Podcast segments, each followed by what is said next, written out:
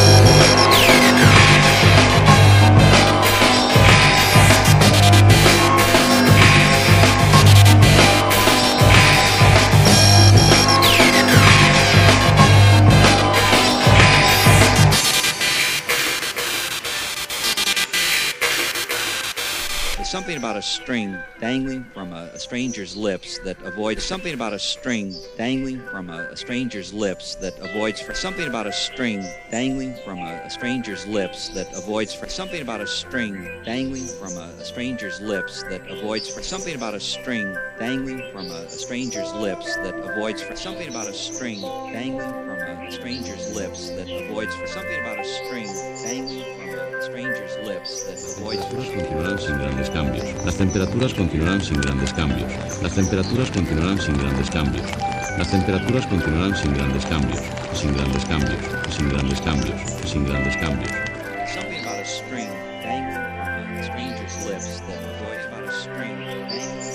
Alcanzar intensidad moderada. Los cielos permanecerán poco nubosos o despejados. Desde la península, especialmente en los Pirineos, donde podrán alcanzar intensidad moderada. En el resto de España los cielos permanecerán poco nubosos o despejados. Norte de la península especialmente, donde podrán alcanzar intensidad moderada.